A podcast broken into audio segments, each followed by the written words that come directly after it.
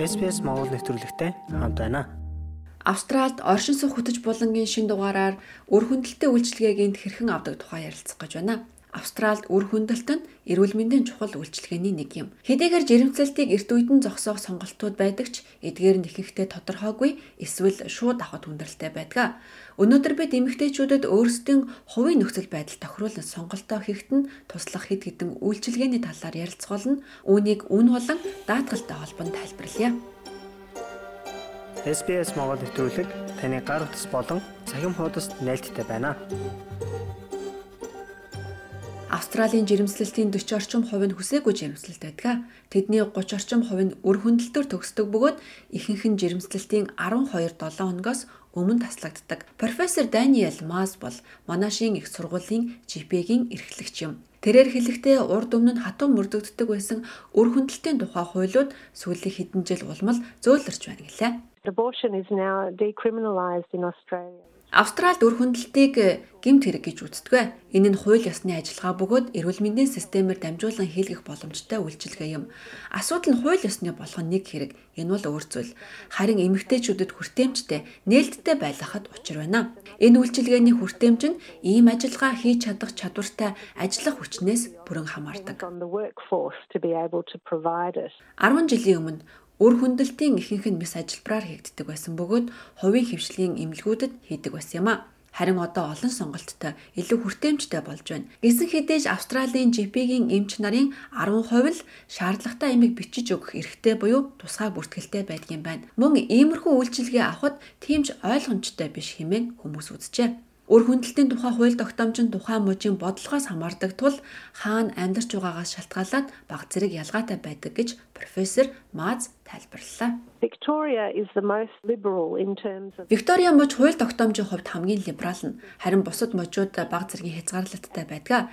Жишээ нь жирэмслэлтийн үеэс хамаарад үр хөндлөлтийг зөвшөөрдөг гэх мэт хязгаарлалт байгаа.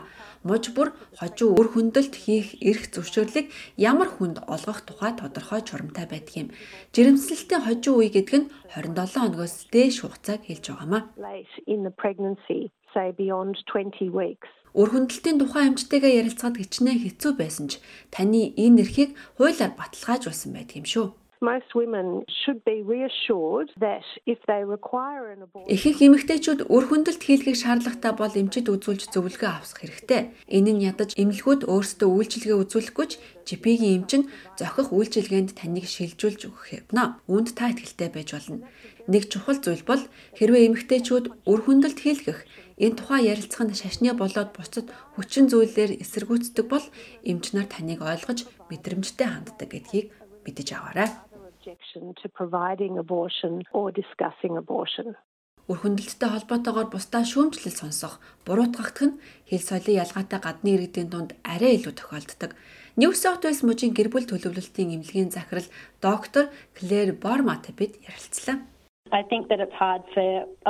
Би ихэнх австралчуудын хувьд энэ нь хэцүү гэдгийг мэднэ.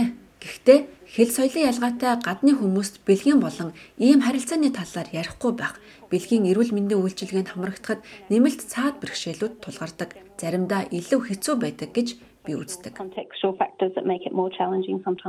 Ийм шалтгаанаас болж цагаач гадны соёлтой эмэгтэйчүүд ихэвчлэн өөртөөгөө ижил гарал үүсэлтэй эмч нарт хандах нь илбэг байдаг. Гэхдээ л энэ эмч ямар хандлага гаргах бол гэдэг айдас хүн бүхэнд байдаг. Тухайн орон нутгийн үйлчилгээнээс хамаарч үр хөндлөлтийг хаанаас авах нь өөр өөр байдаг. Доктор Борма хэлэхдээ танаа эмч орон нутагт ямар үйлчилгээ авах боломжтой эсхийг тайлбарлаж өгөх ёстой. Дараа нь тэд жирэмсний хугацааг тодорхойлох шинжилгээ хийж болно гэлээ. It depends partly on how far through your pregnancy you are. Энэ таны жирэмслэлтийн аюулд байгаагаас хамаарч ямар сонголт хийх боломжтойг тодорхойлох юм. Харамсалтай таны амьдарч байгаа газарт ийм үйлчлэгээ үзүүлдэг эсгээс хамаарч та өөр газар очиж хийлгэх хэрэг гарч магадгүй. Улсын эмнэлгүүдээр дамжуулан үр хөндлөлтийн үйлчлэгээ авах нь хязгаарлагдмал байдаг. Хэрвээ танд ямар сонголт байгаагаа судлах шаардлагатай байгаа бол орон нутгийн эрүүл мэндийн мэрэгчлэнтэйгээ ярилцаарай. Тэд танд туслах болно.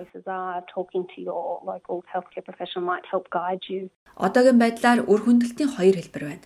Эхнийх нь эмчийн жороор олгодог эмээр үр хөндлөлт хийлэгдэг. Энэ нь зөвхөн 9-7 хоногоос доош жирэмсэн эмэгтэйчүүдэд ашиглаж болох арга юм а. Профессор Маз ингэж тайлбарллаа. A medical abortion is akin to a medical Эмийн аргаар үр хөндлөлт хийх нь эрүүл мэндийн байдлаас хамаардаг. Эмч зөвлөгөөгч жирэмслэлт нь умайн гадуурх жирэмслэлт биш эсхийг шалгаад эм бичиж өгч болно. Энэ эм нь зулбалттай төстөөгөр эсийг тууж гаргадаг.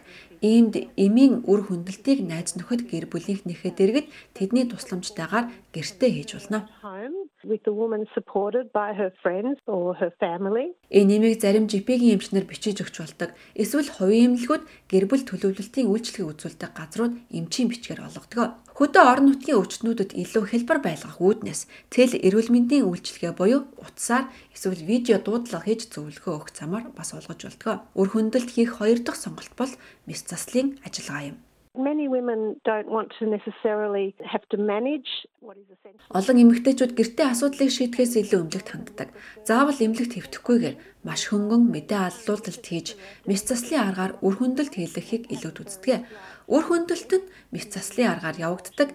Та гэртээ хараад бүх зүйл дуусгар болдог гэсэн үг юм. Мэс заслын үр хөндлөлт нь 9-7 хоногтойгоос хойш 12-7 хоногтойгоос өмнө хийгдэх ёстой. Although the majority of them occur before 12 weeks. Хаана хийлгэх талаар мэдээлэл хайж байгаа бол та GP-ийн эмчтэйгээ ярилцаж эсвэл үндэсний болон мужи орон нутгийн лавлах үйлчилгээнд холбогдож болно. 24 цагийн туршид үйл ажиллагаатай тусламжийн утас улс даяар ажилладаг.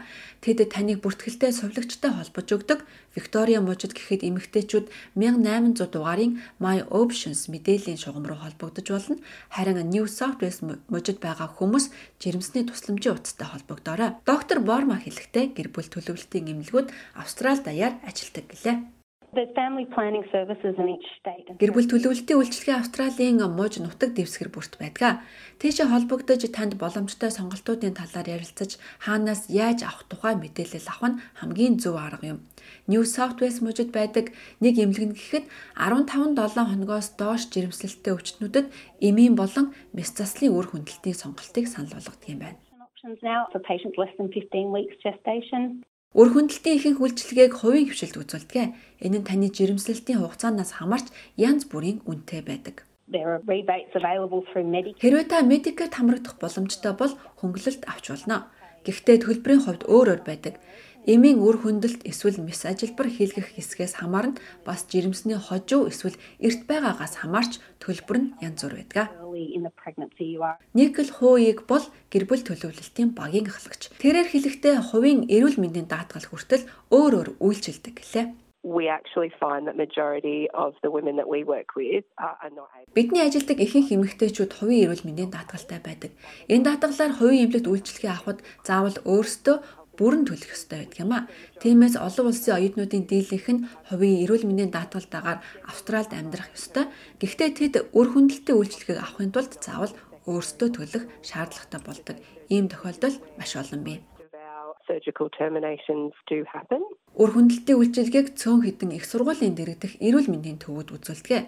Зарим эмнэлгүүд Medicare картаар ямар ч үн төлбөргүй үйлчилгээ санал болгодог.